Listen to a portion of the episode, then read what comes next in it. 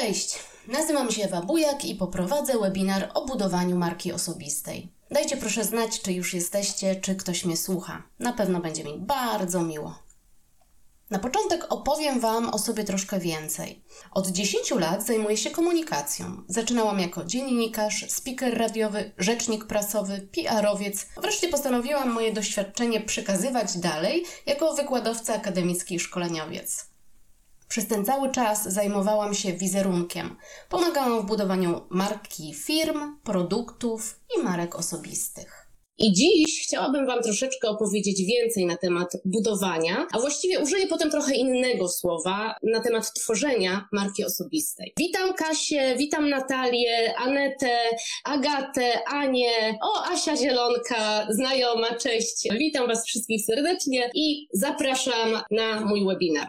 Słuchajcie, na sam początek chciałabym poprosić, żebyście napisali w komentarzach, na jakim etapie budowania marki osobistej jesteście. Czy jesteście na samym początku i chcecie się rozglądnąć, nie wiecie od czego zacząć? Może jesteście w trakcie budowania swojej marki osobistej i szukacie pomysłu, co zrobić, czy jesteście na dobrej ścieżce, a może macie już rozpoznawalną markę osobistą i szukacie jakichś pomysłów, inspiracji.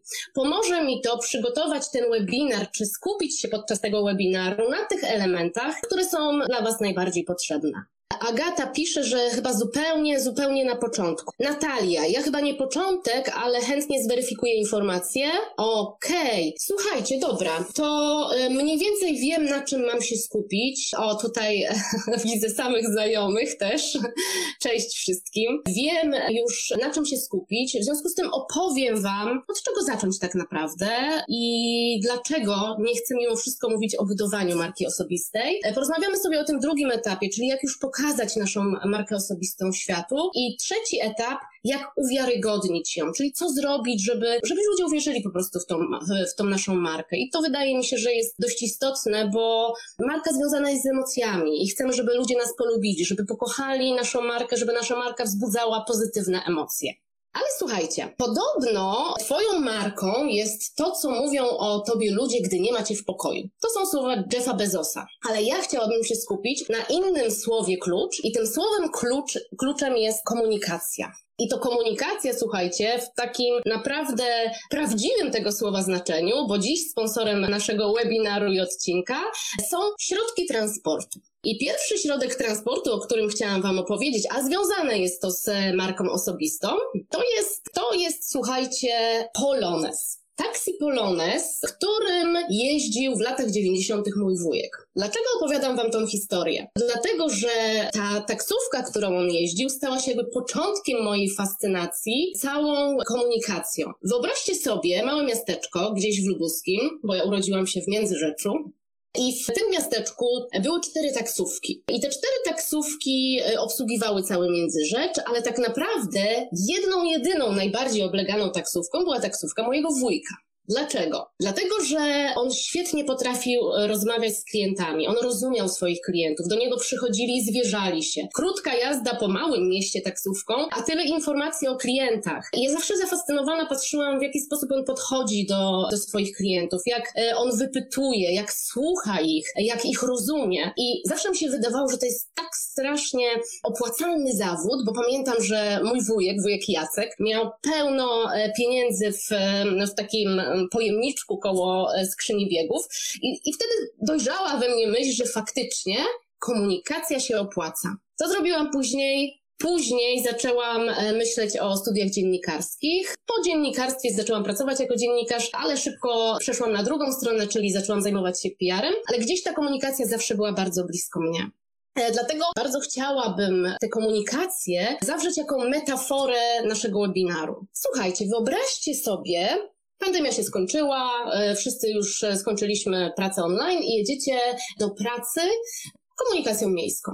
Siadacie sobie w tej przestrzeni w pierwszych rzędach za kierowcą. Jesteście albo zmęczeni po nocy, albo wam się nic nie chce, przeglądacie Facebooka i nagle podchodzi do was jakiś człowiek i mówi: Słuchaj, nie możesz tu siedzieć, dlatego że jesteś kobietą, mężczyzną, że masz 154 cm wzrostu, nie pasujesz nam, musisz przesiąść się do tyłu. Co sobie myślicie? No zwariował. No w życiu się nie przesiądę przecież. Nie będzie na podstawie mojego wyglądu, tego co sobie o mnie myśli, decydował, gdzie ja mam siedzieć. A dlaczego? Ta historia zdarzyła się naprawdę.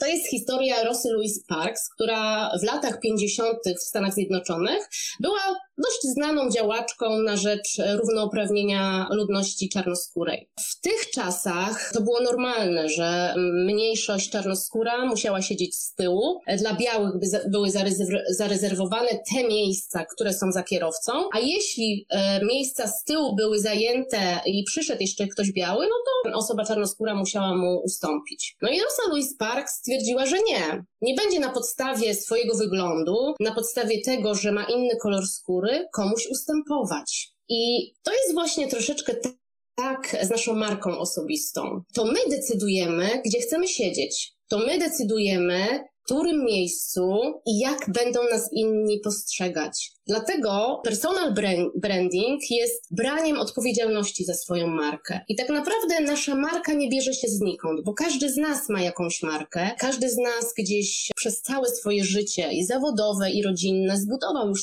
już jakąś swoją markę. I teraz chodzi tylko o to, żeby ją w jakiś sposób odkryć, żeby ją przekazać innym i żeby tę markę bardzo spójnie zbudować i kontrolować. I dlatego tak sobie pomyślałam, że ten nasz transport, ta nasza komunikacja, bo o komunikacji dziś będzie dużo, e, jest takim fajnym słowem kluczem, który będzie gdzieś przeplatało się przez cały, cały nasz webinar. Słuchajcie, będę Was pytała o parę rzeczy też w trakcie już webinaru, ale gdybyście mieli jakieś pytania, to śmiało piszcie, ja postaram się na bieżąco też na nie odpowiadać.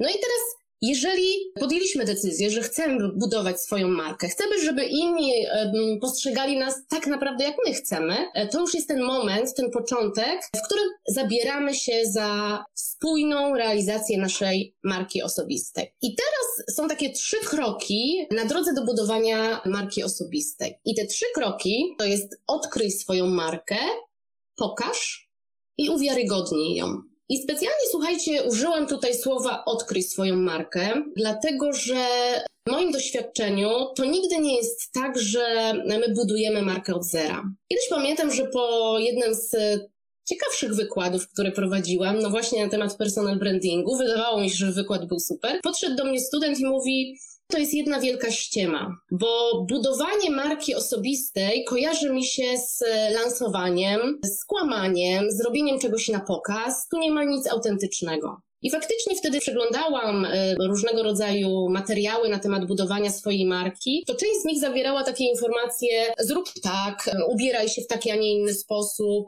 Jeżeli występujesz, to zachowuj się tak, a nie inaczej. Dobierz sobie ubranie. E, I trochę miało to faktycznie taki wyraz kreowania e, swojej osoby. A naprawdę wartościowe marki mają bardzo mało wspólnego z taką kreacją, a dużo z wiarygodnością. Dlatego musimy odkryć, odkryć to, co w nas jest najlepsze, najciekawsze, najbardziej autentyczne, najbardziej prawdziwe, co jest mocno związane z naszymi wartościami takimi wewnętrznymi, e, bo tylko wtedy będziemy w stanie tę markę zbudować prawdziwie i spójnie. W związku z tym, że zajmuję się też komunikacją społeczną, komunikacją werbalną i niewerbalną i doskonale wiem, że każde kłamstwo, każdy fałsz, niespójność z komunikacją, e, komunikacji werbalnej z niewerbalną, e, to jak się zachowujemy i to, o czym mówimy, każda niespójność jest odbierana jako kłamstwo. Dlatego jeżeli na tym etapie tworzenia naszej marki, bądź odkrywania naszej marki gdzieś będzie jakaś niespójność, to ona potem będzie się za nami ciągnęła. Dlatego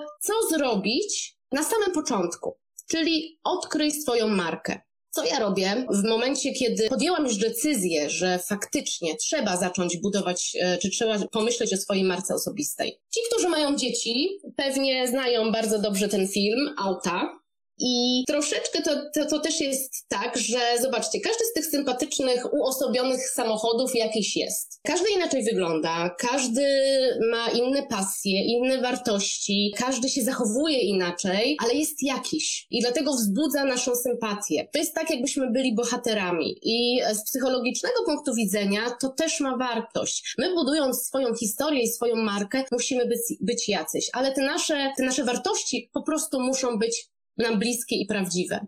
I teraz w momencie, kiedy próbuję odkryć swoją markę, czyli zastanowić się, jaka jestem, jaki jestem, co jest we mnie dobre, co złe, co chcę zaoferować swoim klientom, światu. Robię sobie taki audyt. Na początku próbuję się sam, sama określić, czyli zastanawiam się, jak ja siebie widzę, jak wydaje mi się, że widzą mnie inni, jak naprawdę widzą mnie inni i jak chcę być postrzegany bądź postrzegana. I ten pierwszy etap jak ja siebie widzę, rozpisuję sobie, zaraz zobaczycie, zresztą pokażę Wam w takiej krótkiej tabelce, w jaki sposób to robię. Czyli rozpisuję sobie wszystko, co jest związane z moim stylem i wizerunkiem.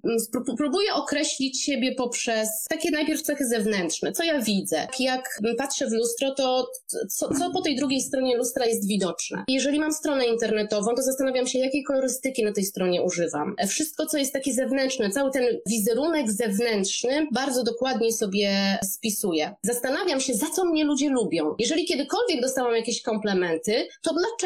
Na przykład ludzie lubią mi się zwierzać bo umiem słuchać. W związku z tym wypisuję sobie wszystkie te elementy, które mogą być moimi plusami, ale też elementy, które mogą być moim jakimś takim obszarem, którego nie chcę pokazywać. Drugi element, który sobie rozpisuję bardzo dokładnie, to jest wiedza i umiejętności, bo to jest to, na czym będę bazować, budując swoją markę osobistą. W związku z tym, że jestem wykładowcą, praktykiem i szkoleniowcem, to mam cały wachlarz jakby możliwości i doświadczeń, które gdzieś później przy prezentowaniu mojej marki osobistej mogą się przeplatać.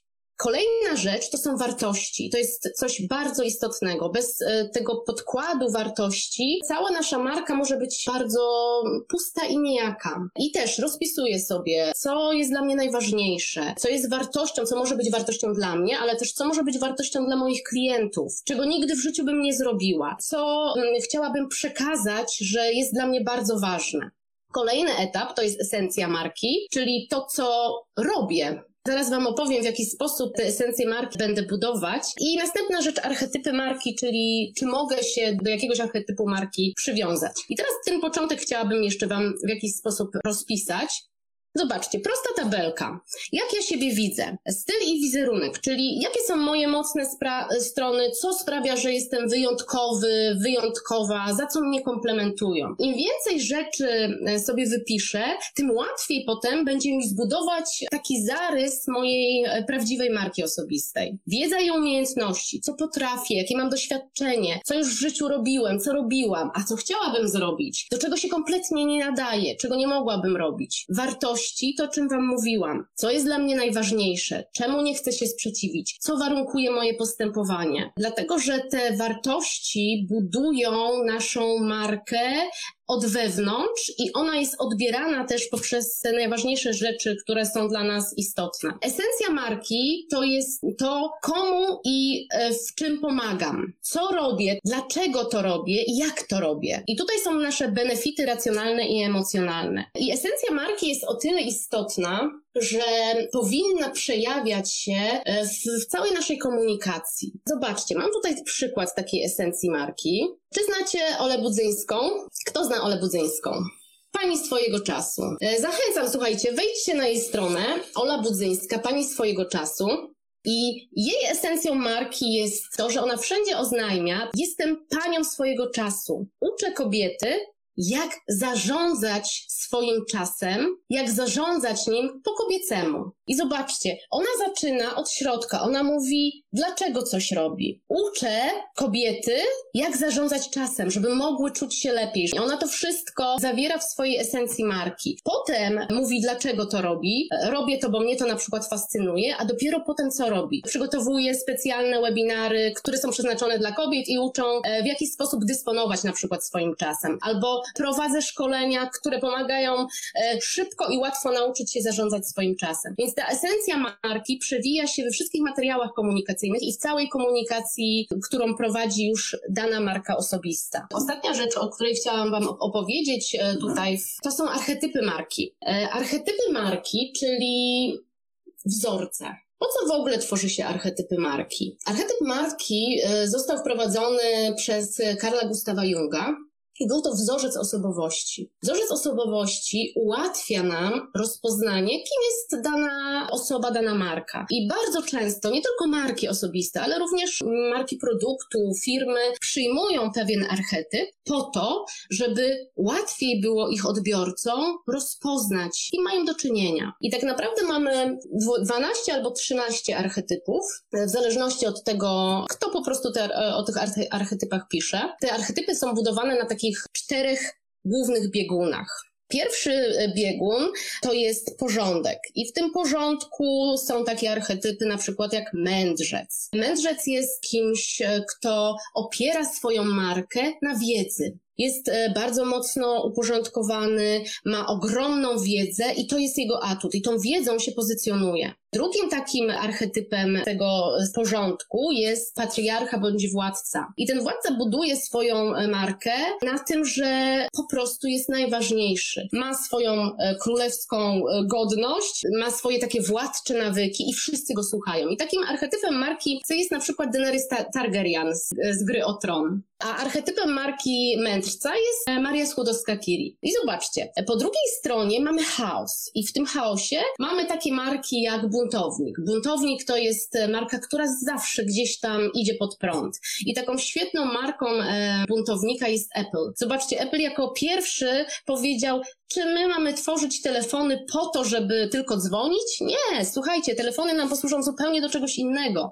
I to jest, e, to jest taki archetyp, który gdzieś tam w swojej wizji zawsze, zawsze ucieka inną ścieżką, zawsze próbuje zrobić coś e, niewiarygodnego, coś nowego e, i też jest bardzo charakterystyczny. Gdybyśmy mieli porównać sobie takie marki przeciwstawne, to na przykład buntownik Apple i patriarcha IBM. Zobaczcie, w jak inny sposób te marki się pokazują, w jak inny sposób budują swoje reklamy na przykład. Wszystko po to, żeby być spójnym z danym archetypem, i żeby w jakiś sposób łatwiej było naszym odbiorcom taką markę rozpoznać. Po przeciwległych biegunach w poziomie mamy ja, taki biegun ja, czyli nastawienie na siebie, e, na swój rozwój, na pokonywanie swoich własnych słabości. E, I, I, kolejny biegun to jest e, inni, czyli nastawienie na innych. Chcę pomagać, chcę być opiekuńczy, chcę być dobry. I jednym z takich archetypów, który jest po, tym, po tej stronie bieguna ja, jest zwycięzca.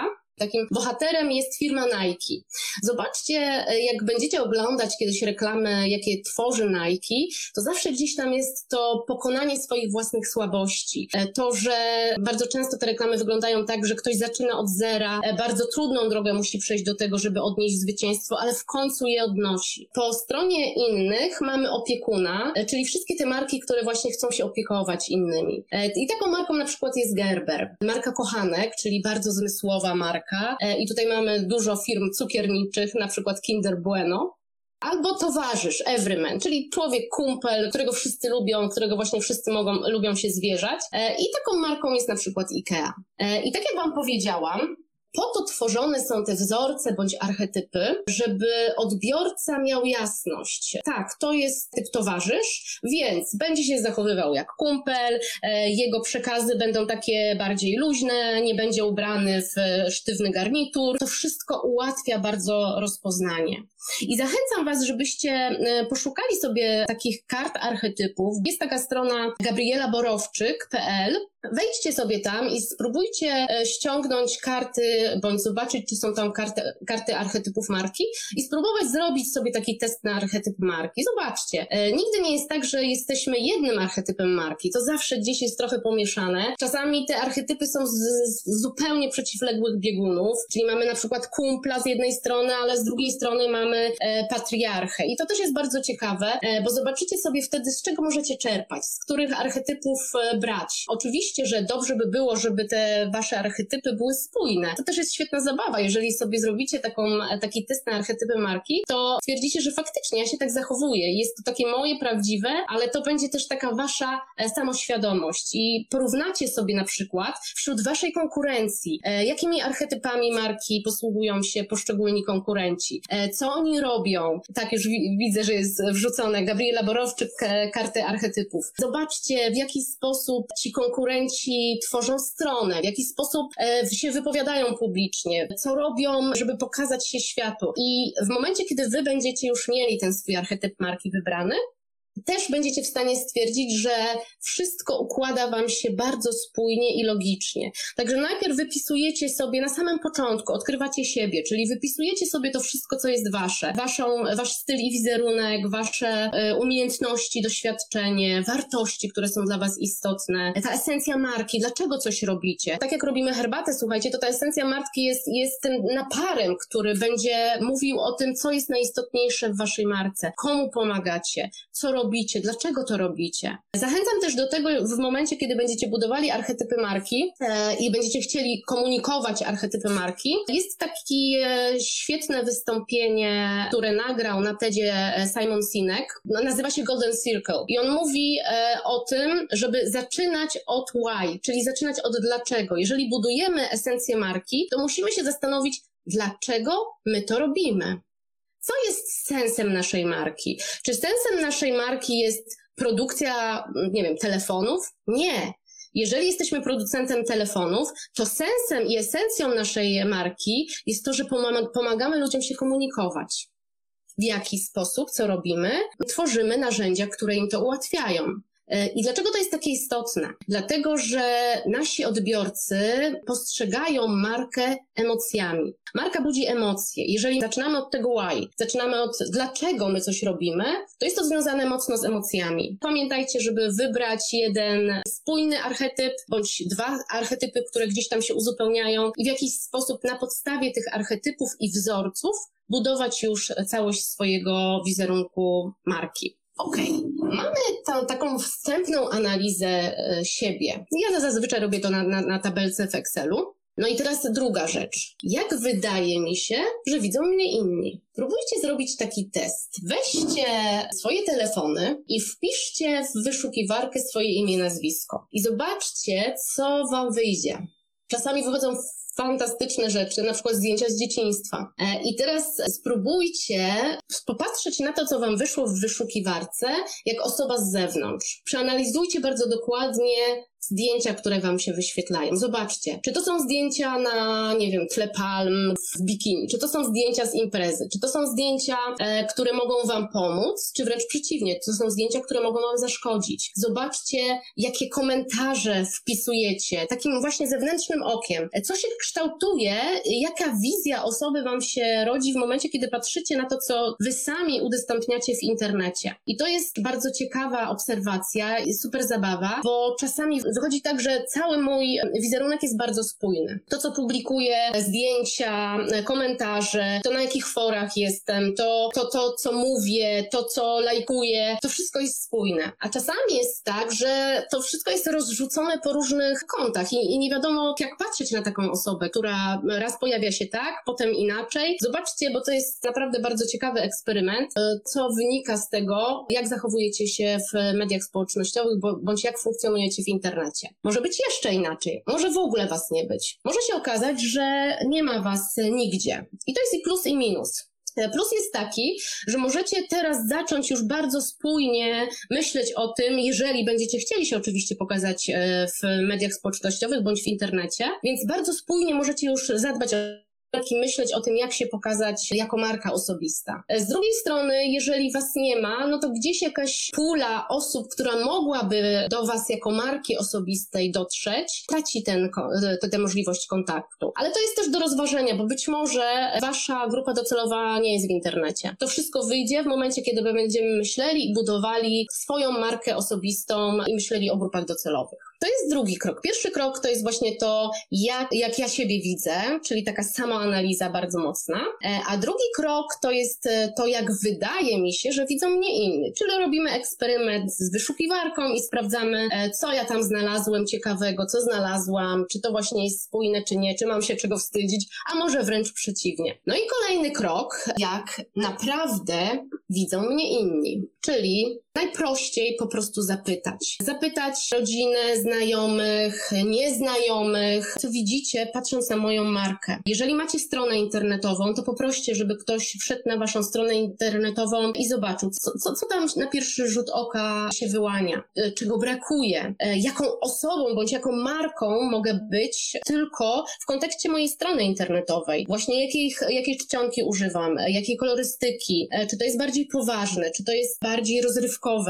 Te wszystkie elementy wizerunku takiego bardzo zewnętrznego są ważne, bo, bo osoby, które was nie znają, patrzą w kontekście tego wizerunku zewnętrznego. Zapytajcie, jak widzicie mnie jako eksperta, jak postrzegacie mnie jako e, przyjaciela. Popytajcie i, i też zapiszcie sobie gdzieś w, w waszej tabelce, tak żebyście mieli konkretne odpowiedzi na pytanie, które ułatwi wam potem budować tę waszą wartość wizerunkową. Ostatni e, krok w tej naszej analizie to jest cel, czyli jak chcę być postrzegany, postrzegana. Zrobiliście już analizę, taką bardzo dogłębną, własną. Wiecie, jaką jesteście marką, wiecie, jaką macie esencję marki, bądź chcecie. I teraz tu jest ten moment, żeby się zastanowić, czy chciałbym coś zmienić, chciałabym coś zmienić w tym wizerunku, czy nie? Czy pokazuję, bądź e, do tej pory nie pokazywałam tego, co jest we mnie najlepsze, więc chcę to zmienić? E, czy może chciałabym jednak ten wizerunek trochę nakierunkować na inne rzeczy? Dopiero teraz, po mojej autoanalizie, wyszło, że mam fantastyczne możliwości do robienia czegoś, co lubię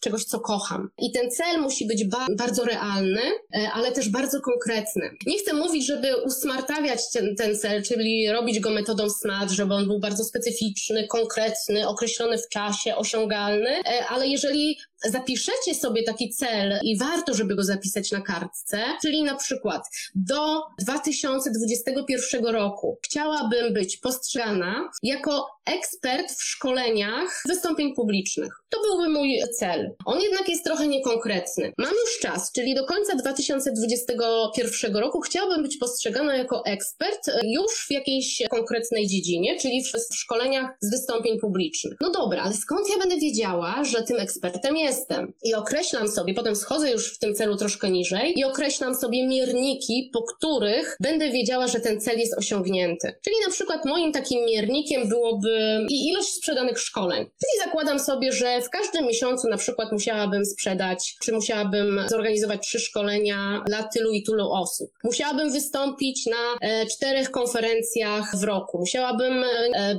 być zaproszona do pisania jakiegoś materiału w mediach, które są dla mnie istotne, istotne dla mojej branży. I określam sobie bardzo mocno te mierniki, żebym mogła w trakcie e, tworzenia tej marki osobistej zawsze do nich wrócić i sprawdzić czy idę, idę dobrą drogą, czy nie osiągam tego, co bym chciała, więc trzeba wrócić e, do początku i zastanowić się, w którym miejscu należałoby coś zmienić. Dlatego za każdym razem, jak tworzycie e, jakikolwiek cel, musi on, on być bardzo konkretny, ale też odnosić się do konkretnych wskaźników i mierników. Słuchajcie, czy do tego macie jakieś pytania, do tego, tego pierwszego etapu, czyli odkrywania swojej marki? Kiedy już odkryliście swoją markę, czyli wiecie, jak chcecie być postrzegani, to wy narzucacie, jak e, ludzie mają was odbierać, to wy pokazujecie, w jaki sposób sami chcecie się też pokazać. To jest ten czas, żeby pokazać swoją markę światu, żeby zadbać o to, żeby inni, czyli nasze grupy docelowe, dowiedziały się o naszej marce. Dlatego odkrywamy, a potem pokazujemy swoją markę. E, w momencie, kiedy już e, odkryliśmy naszą wartość, zaczynamy szukać grup docelowych. Właściwie to jest bardzo naturalne, bo wiemy, w jakich, do jakich grup chcemy uderzać. To jest ten moment, kiedy e, zastanawiając się nad pokazaniem swojej marki osobistej, zaczynamy od naszej publiczności, czyli od najważniejszych osób dla naszej marki. To są grupy docelowe nasze. Grupy docelowe zawsze tworzymy w, na, na takich, w, w, takich trzech etapach. Pierwsza rzecz to jest wyodrębnienie grup docelowych, e, potem zbudowanie person i ustalenie punktów styku. Po to, żebyśmy wiedzieli, gdzie nasi klienci są i tam precyzyjnie uderzali z, z, naszymi komunikatami. Słuchajcie, podam to znowuż na, na, na, swoim przykładzie, żeby było Wam łatwiej zrozumieć. Jeżeli moim celem jest zbudowanie marki eksperta od szkoleń z wystąpień publicznych, to zastanawiam się w takim razie, komu te moje szkolenie będzie potrzebne. Czyli problem ja rozwiążę, kto będzie chętnie do mnie przychodził, żeby z takiego szkolenia skorzystać. I wiem, że taką e, grupą docelową są dla mnie e, na przykład menadżerowie. To jest duży problem ze stresem e, na wyższych stanowiskach i z pokazywaniem się w wystąpieniach publicznych. Też muszę ustalić troszeczkę już bardziej ściskając tą grupę docelową menadżerów, z jakimi branżami najlepiej bym się dogadywała, dla kogo chciałabym te szkolenia prowadzić, kto dogadałby się dobrze ze mną. I później też zastanawiam się, gdzie ja ich znajdę, gdzie musiałabym się pokazać, żeby taki menadżer mnie znalazł. W związku z tym bardzo często te osoby mają konto na LinkedInie, to wiem, że tam będzie też mój kanał, którym dotrę do tej grupy docelowej. Staram się na samym początku wypisać sobie najpierw na takich grubych klockach wszystkie moje grupy docelowe, Potem do każdej z tych grup docelowych buduję personę. Persona to jest taka fikcyjna postać, która jest uosobieniem tej grupy docelowej. Wyobrażam sobie ją. Zastanawiam się, e, czy to jest kobieta, czy to jest mężczyzna, ile ma lat, jak wygląda, czy ma rodzinę, czy nie ma rodziny, co jest jej głównym problemem, z czym sobie nie może poradzić, co lubi, czego nie lubi, gdzie przebywa bardzo często, jak spędza wolny czas. Takie szablony do person znajdziecie w internecie naprawdę na wielu wielu stronach. Jeśli e, nie chcecie tego robić tak bardzo dokładnie, myśląc o tym, czy to jest kobieta, czy mężczyzna, spróbujcie tylko zastanowić się nad najważniejszą rzeczą, czyli co jest problemem tej grupy docelowej,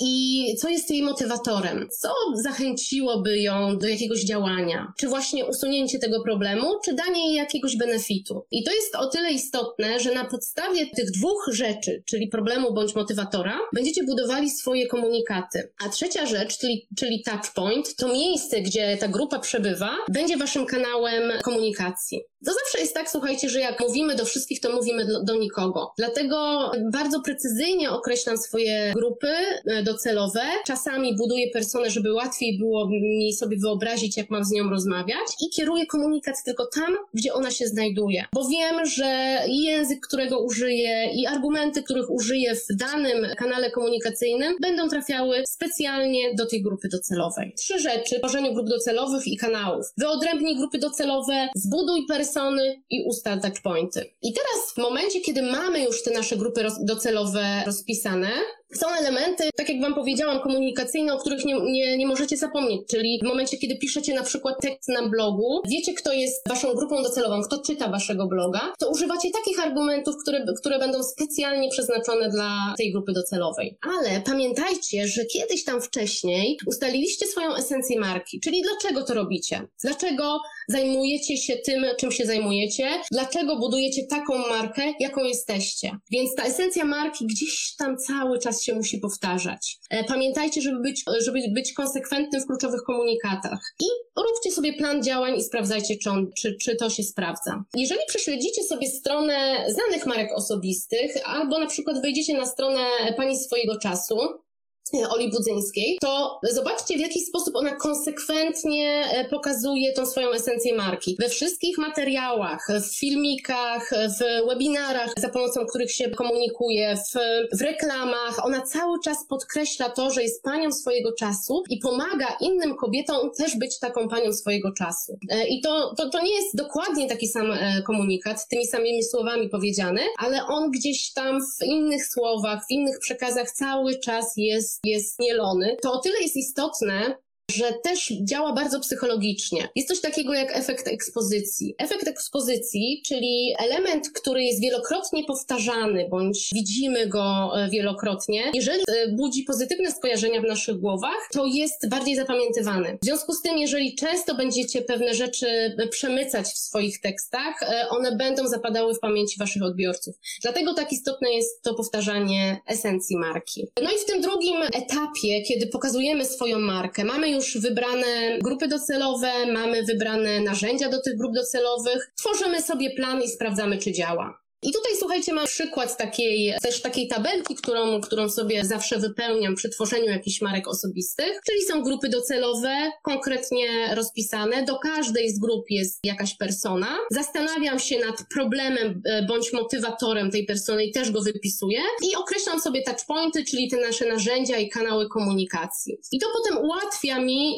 zrobienie już planu, konkretnego planu działań e, i realizację tego planu na różnych kanałach komunikacyjnych. I ostatni etap w tym naszym budowaniu bądź tworzeniu wizerunku i marki osobistej to jest uwiarygodnienie swojej marki. Słuchajcie, mamy już bardzo mocno przemyślaną naszą markę, wiemy jak chcemy być postrzegani i dążymy do tego swojego celu wizerunkowego. Mamy określone persony, e, grupy docelowe, mamy wybrane narzędzia, no to startujemy. I teraz jest bardzo kluczowy moment, jak zaczynają nas nasi odbiorcy po pierwsze dostrzegać, poznawać, to jeszcze my muszą nas polubić. Czyli my musimy pokazać im, że wszystko to, co budujemy, jest wiarygodne, spójne i odpowiada ich potrzebom. Dlatego ten trzeci etap też jest niezmiernie istotny, żebyśmy bardzo konsekwentnie, bez żadnych e, zakłamań, e, tę swoją markę budowali. I teraz jak to zrobić, żeby ta nasza marka była wiarygodna? Pierwszy, pierwsza rzecz, spójność spójność na każdym etapie budowania, na każdym etapie pokazywania się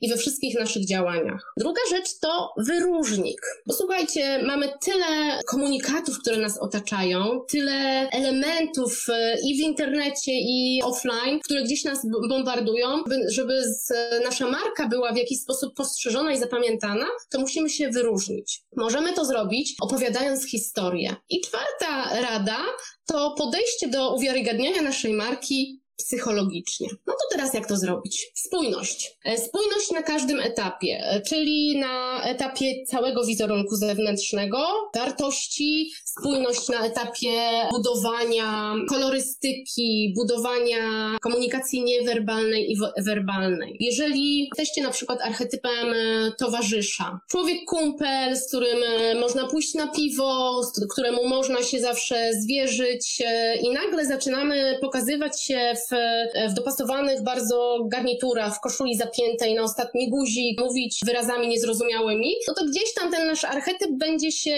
będzie kulał i będzie zawodził. W związku z tym ta spójność musi być e, bardzo ważna i, i, i to musi być przemyślane na każdym etapie. Ja bardzo lubię pokazywać swoim studentom w e, ramach tej spójności e, takie dwa filmiki. Nie wiem, czy kojarzycie film House of Cards. House of Cards jest takim ponurym thrillerem politycznym i cała czołówka tego thrillera jest też taka ponura, ze zdjęciami, z bardzo tak ciemnymi, z ponurą muzyką. I ktoś w internecie przerobił czołówkę, e, dodając tam muzykę z przyjaciół. E, wybrał zupełnie inne kadry, zupełnie inne e, ujęcia z tego filmu i nagle z ponurego thrillera politycznego zrobiła się komedia romantyczna. To wszystko pokazuje im po to, żeby zrozumieli, że zmiana nawet jednego elementu może spowodować, że całość wizerunku będzie niezrozumiała w związku z tym dbajcie o to, żeby wasza marka osobista była spójna na wszystkich płaszczyznach, na których się pokazujecie. Dlatego to jest e, bardzo, bardzo ważne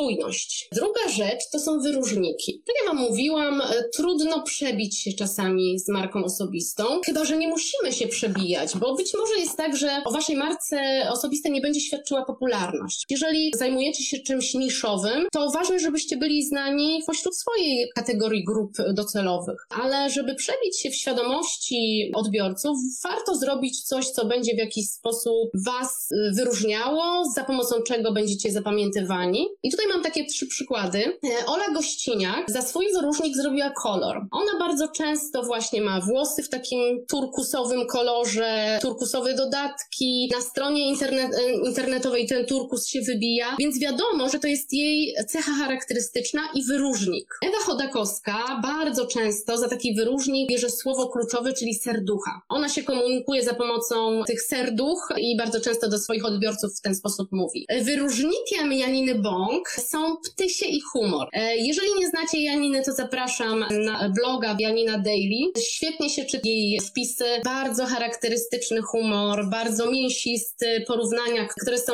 absurdalne. W związku z tym to jest też cecha charakterystyczna, po której można ją wyróżnić i wyszukać. Kolejna rzecz, która pomoże Wam uwiarygodnić swoją markę, to jest historia. Storytelling jest jednym z moich ulubionych elementów komunikacji, dlatego że tworzenie historii e, budzi w umysłach naszych odbiorców tak zwane okienko uwagi. W momencie, kiedy słyszymy historię, zaczynamy odczuwać większą empatię do bohatera tej historii. Nie wiem, czy pamiętacie jedną z fajniejszych reklam Allegro z dziadkiem, który uczył się angielskiego. To jest typowy storytelling. Zobaczcie, mamy bohatera, który jest jakiś, e, budzi sympatię, ale w pewnym momencie ma problem. E, tym problemem jest to, że nie umie angielskiego i nie potrafi porozumiewać się ze swoją wnuczką, która mieszka za granicą. Dlatego na e, jego drodze pojawia się mentor. I tym mentorem w przypadku reklamy jest Allegro. Mentor pomaga przezwyciężyć wszelkie trudności i doprowadza do zwycięstwa. I te cztery elementy, o których mówi też Paweł Tkaczyk, który zajmuje się storytellingiem, to jest właśnie bohater, problem, mentor i zwycięstwo. Ta cała podróż bohatera nazywa się monomitem i zobaczcie, że każdą historię można w ten sposób zbudować. Również wasze historie. Spróbujcie zastanowić się, e, czy macie, czy macie takie własne historie, o których możecie poopowiadać. Zobaczcie, że ja zaczęłam, zaczęłam ten webinar od historii z taksówką. To nie był e, taki typowy storytelling, bo gdzieś tam nie zabrakło mi tego problemu, ale storytelling pomaga poruszyć uwagę widzów. Bez względu na to, czy będzie to storytelling opowiedziany, czy będzie opisany, historie otwierają umysły naszych słuchaczy i powodują, że czują oni większą empatię z Wami, jako z marką osobistą. Serdecznie polecam, żebyście wykorzystali ten element e, komunikacji w budowaniu utrwalaniu swojej marki osobistej. E, I ostatnia rzecz, o której chciałam opowiedzieć w uwiarygadnianiu swojej marki osobistej, to jest psychologia. W związku z tym, że rozpoczęłam niedawno studia psychologiczne, to też dość mocno się tym interesuje w podejściu właśnie do budowania marki, również w podejściu do uczenia e, wystąpień publicznych, ale faktycznie jest tak, że pewne elementy psychologiczne pomagają nam zrozumieć bądź przekazać pewne rzeczy. E, I w takiej podejściu psychologii poznawczej istotne są cztery elementy. Uwaga, percepcja, sąd i pamięć. Czyli najpierw, żeby jakiś komunikat do nas dotarł, musimy zwrócić na niego uwagę. A w związku z tym, że mnóstwo jest innych komunikatów, to należałoby w jakiś ciekawy sposób tę uwagę naszych odbiorców uzyskać. Następnie, jak już zauważymy ten komunikat, to musimy go odpowiednio zrozumieć. Bo wiecie, jak to jest z komunikacją. Co innego ma na myśli nadawca, co innego odbiorca, więc musimy być pewni, że nasz komunikat jest odpowiednio zrozumiany przez odbiorcę. Potem ten odbiorca, jak już go odpowiednio zrozumie, musi w jakiś sposób podjąć decyzję. Czy lubię to, czy nie lubię. Czyli gdzieś tutaj musi być ta ocena i sąd. I ostatnia rzecz, e, bardzo chcielibyśmy, żeby nasz komunikat był zapamiętany. W związku z tym, co pomaga zwrócić uwagę? Zwrócić uwagę na nasz komunikat pomoże storytelling, pomoże humor, pomoże coś, co jest e, nieoczekiwanego, zaskakującego. Akse kiedyś zrobiła taką świetną reklamę na tabliczkach ewakuacyjnych. Tabliczki ewakuacyjne zawsze to są takie zielone tabliczki, które pokazują, w którym miejscu powinien się ludzik udać do wyjścia ewakuacyjnego. A Aksa przygotowała taką tabliczkę zieloną, gdzie ucieka taki ludzik, za którym gonią tam dziewczyny, nieoczekiwane miejsce, nieoczekiwana reklama, która wzbudzi uwagę naszych odbiorców. Jeśli chodzi o percepcję, czyli o to, w jaki sposób mamy budować nasz komunikat, żeby on był zrozumiały i żeby nasi odbiorcy go zrozumieli tak, jak chcemy, to mamy tutaj takie dwa elementy. Ja bardzo lubię używać e, zasad retoryki. Są takie trzy zasady retoryki. Zasada e, organiczności, czyli że nasz przekaz musi mieć początek, środek, koniec. Wstęp, rozwinięcie, zakończenie. Bez względu na to, czy to jest coś mówionego, czy to jest coś pisanego. I drugie zasady, zasady percepcji odnoszą się już na przykład do komunikatów, które są mm, graficzne. Jest taka jedna zasada, zasada równowagi, która mówi o tym, że Element najważniejszy, na który chcemy zwrócić uwagę naszych odbiorców, powinien być umieszczony w jednej trzeciej obrazu graficznego. Czyli jeżeli chcecie, żeby na wasze logo zwrócił uwagę odbiorca, to przygotujcie tak stronę, żeby ona, żeby to logo było umieszczone od góry w jednej trzeciej. Jest też coś takiego jak reguła ruchu. A reguła ruchu mówi o tym, że zwracamy uwagę na to, gdzie jest e, skierowany wzrok osoby na przykład na grafice lub jego ręka. E, wejdźcie sobie na stronę na YouTubie Tomasza Kamela i zobaczcie, że on ma tak specyficznie przygotowane zdjęcia, czyli jest zdjęcie Tomasza Kamela, który patrzy się w określony punkt a dalej jest przedstawiona jego oferta. Dlatego, że zwrócimy na pewno uwagę na to, na co patrzy bohater na grafice. E, I to są takie reguły, które pomogą Wam zbudować przekaz, żeby on był jasny i odbierany tak, jak Wy chcecie, żeby odbiorca zwrócił uwagę na to, na co, na co Wy chcecie, żeby zwrócił uwagę. I ostatnia, ostatnia e, część tej naszej psychologii poznawczej to jest e, pamięć. Co mamy zrobić, żeby nasz przekaz był zapamiętany? Pierwsza zasada to jest zasada ekspozycji, czyli to, co, o, o czym Wam mówiłam. Im częściej będziemy się pojawiać, tym e, nasz przekaz po prostu będzie bardziej zapamiętany. Jeżeli lubimy coś, lubimy jakąś piosenkę, to im częściej ona jest pokazywana, puszczana w radio, tym większą sympatią się cieszy odbiorców. Gorzej, jeżeli jest to przekaz, który nie jest zbyt lubiany, to wtedy zaczyna nas, po prostu irytować. Ale słuchajcie, zapomniałam jeszcze, bo już tutaj mówię o pamięci, a zapomniałam o, o sądzie, o, e, co pomaga? Pomaga ta spójność i wiarygodność, że nie damy mm, naszym odbiorcom takiego poczucia, że gdzieś tam coś jest nie tak, że gdzieś tam ściemniamy. Jesteśmy wiarygodni, spójni na każdym elemencie naszej drogi budowania marki. E, no i te nasze wartości, z którymi się będą e, odbiorcy zgadzać. Jeżeli pokazujemy te wartości, jeżeli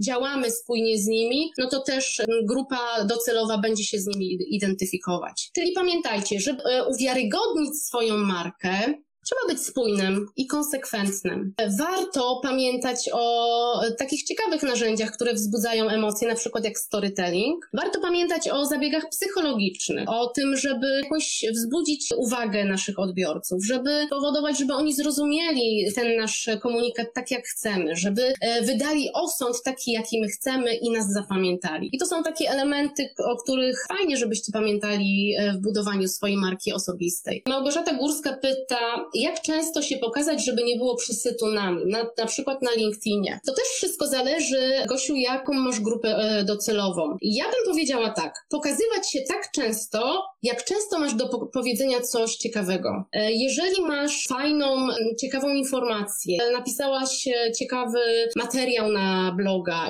dzielisz się swoją wiedzą bądź swoimi umiejętnościami, które będą wartościowe dla swoich odbiorców, to to rób. Ale jeżeli mm, cały czas próbujesz na przykład sprzedać tylko pewien produkt, produkt i to się powtarza, nie dając żadnej wartości dodanej odbiorcy, no to może to spowodować przesyt. Słuchajcie, widzę, że ja już tutaj czas swój wyczerpałam. Podsumowując już nasz webinar, e, pamiętajcie, żeby odkryć swoją markę. Może nie budować jej od początku, tylko odkryć to, co z Was jest najwartościowsze, to, co mówią już inni, to, to co zbudowaliście już do tej pory. Pokazać się światu, wykorzystując bardzo precyzyjnie narzędzia do grup docelowych, do których chcecie mówić. Trzecia rzecz, bądźcie wiarygodni. Uwiarygadniajcie to cały czas swoimi działaniami, swoimi komunikatami. Pomyślcie o tym w tak bardzo szerszym perspektywie. Jeśli ktoś ma jakieś pytania, to bardzo proszę, bardzo proszę teraz. Asia mówi, Ewa, wszystko co mówisz jest bardzo interesujące, proszę wrzuć jakieś książki, które pomogą usystematyzować te informacje. E, dobrze, na pewno materiał z, z webinaru będzie dostępny mam też mnóstwo książek, które mogę Wam polecić e, w procesie budowania marki osobistej, więc e, gdzieś pewnie w komentarzu do tego webinaru te, te książki się znajdą. Gdybyście mieli jeszcze jakieś, e, jakieś wątpliwości albo coś chcieli, żebym, e, żebym Wam wyjaśniła, to dawajcie teraz. Rozumiem, że ten etap początkowy dla większości z Was był najważniejszy, więc zachęcam do tego, żebyście spróbowali już dziś e, zrobić sobie taką tabelkę z, z tym odkrywaniem Waszej marki osobistej, żebyście spróbowali znaleźć Wasz archetyp marki i wypisali to, co jest najistotniejsze dla Was. Książki chętnie. Czy coś jeszcze? Czy możemy już kończyć? Dzięki, było super. Bardzo Wam w takim razie też dziękuję. Aha, pytanie od Asi. A jak ktoś chce działać w różnych branżach? Asiu, a czy mogłabyś troszeczkę skonkretyzować to pytanie? Co to znaczy? To jeszcze tutaj jest pytanie, czy warto swoją stronę internetową nazwać swoim imieniem i nazwiskiem? E, pyta Mateusz. Tak, jeśli budujesz swoją markę osobistą jako Mateusz Biegański, to jak najbardziej. Dlatego, że już masz ten element ekspozycji. Ty budujesz siebie jako osobę. Ja mam stronę ewabujak.com. W związku z tym wydaje mi się, że to jest, to, to jest dobry trop. Musisz być rozpoznawalny i jeżeli ta marka będzie funkcjonowała jako właśnie marka osobista, Mateusz Biegański to jak najbardziej. Hej, Ewa, możesz podać jakiś przykład konkretnego storytellingu wartościowego według Ciebie wzmacniającego markę osobistą? E, bardzo dużo o storytellingu e, opowiada Janina. Wiecie co, ja wam jeszcze puszczę fragmencik właśnie o markach osobistych. Tutaj coś ciekawego będzie z tym storytellingiem. E, dlaczego warto w ogóle budować markę osobistą? Dlatego, że marka osobista po prostu też sprzedaje. Dlatego, że mar marka osobista e, wzbudza emocje. I zobaczcie, e, mam tutaj cztery osoby, które na bazie swojej marki osobistej tej zbudowały tak naprawdę imperia. I pierwsza z nich to jest Michał Szafrański, który prowadzi bloga Jak oszczędzać pieniądze. I Michał Szafrański jest świetnym przykładem do tego, żebyście czerpali wiedzę tego, jak on prowadzi swoją działalność, jak on, jak on buduje siebie. Zobaczcie, Michał Szafrański jest archetypem towarzysz, człowiek kumpel, ale też mędrzec. I zwróćcie uwagę, jak będziecie, będziecie oglądać jego występy, w, czy to na różnych konferencjach, w jaki sposób on prowadzi webinary. On zawsze jest ubrany na luzie, mówi na luzie, czyli właśnie ten nasz człowiek kumpel, ale z drugiej strony wszystkie jego materiały na blogu są niezmiernie dokładne. Widać, jaki wysiłek on włożył w to, żeby ten materiał przygotować. Tam są konkretne tabelki, wzory, przeliczenia. Widać, że ta wiedza jest bardzo kompleksowa. Czyli mamy tutaj tego naszego mędrca i towarzysza i to wszystko jest bardzo, bardzo spójne. Jeżeli mamy drugą markę, Michał Sadowski, założyciel Brand24, to też jest świetny przykład, żeby pokazać Wam spójność, z jaką Michał Sadowski buduje swoją, swój wizerunek, ale też wizerunek marki Brand24. Michał Sadowski jest postrzegany jako taki, on ma archetyp błazna. W związku z tym wszystko, co robi jest na takim luzaku. On lubi rozśmieszać. Jeżeli obejrzycie sobie filmiki, które wrzuca do, do, do socialów Michał Sadowski, to one są zawsze właśnie na luzie, z poczuciem humoru. I podobnie budowana też jest marka Brand24. To budowanie marki, zobaczcie, to też może być bardzo spójne. Budowanie brandu firmy i budowanie marki osobistej szefa tej firmy może iść dwoma kanałami, ale musi mieć spójność. Dlatego to jest bardzo istotne. E, Paweł Tkaczyk, o którym wspominałam, Paweł Tkaczyk, który zajmuje się storytellingiem, mówi o tym, jak budować e, historię firmy, historię marki osobistej. E, też jest takim trochę, nie wiem, czy on jest archetypem, może nie błazna, ale bardziej człowieka towarzysza. E, I on bardzo często też buduje i pomaga budować historię produktów za pomocą storytellingu. Pamiętam, że kiedyś, bo tutaj Ewa się pytała o to, o jakiś przykład. Jest taka firma Patagonia. Szefem tej firmy Patagonia jest Iwan e, Shinar. To jest człowiek, który jest wielbicielem surfingu i on napisał taką książkę Let My People Go Surfing, która e, mówi o tym, że pozwolę swoim pracownikom iść e, surfować, bo to jest ich prawo, ich wolność, ale niech zrobią tylko swoją robotę. I cała historia Iwana Shinard i, i, i firmy Patagonia jest zbudowana, nie wiem jak teraz wygląda ich strona internetowa, ale kiedyś na ich stronie internetowej była właśnie historia założyciela i firmy, który opisywał, jak jego miłość do przyrody przerodziła się w,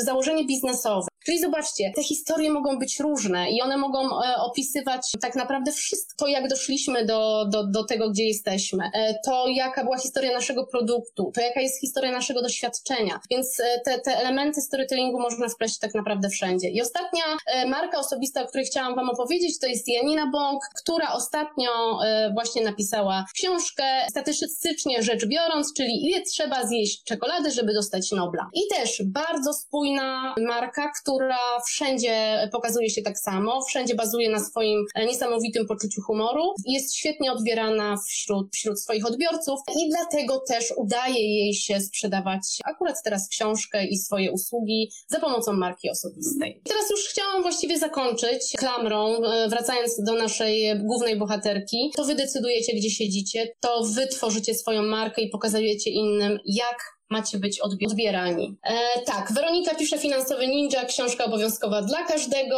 Patagonia to ogólnie bardzo dobry case w kontekście budowania wizerunku marki. E, słuchajcie, to ja już widzę, że mocno dosyć przekroczyłam czas i się rozgadałam. Jeszcze raz bardzo Wam dziękuję za to, że byliście tu ze mną, za Waszą uwagę, za miłe słowa. E, Mam nadzieję, że uda mi się jeszcze z Wami spotkać. Gdybyście jeszcze mieli jakieś pytania, to, to proszę tutaj napiszcie. A ja na pewno i książki w, wrzucę w komentarz do tego webinaru i mam nadzieję, że to nie jest nasz ostatni, to nie jest nasze ostatnie spotkanie. Dziękuję.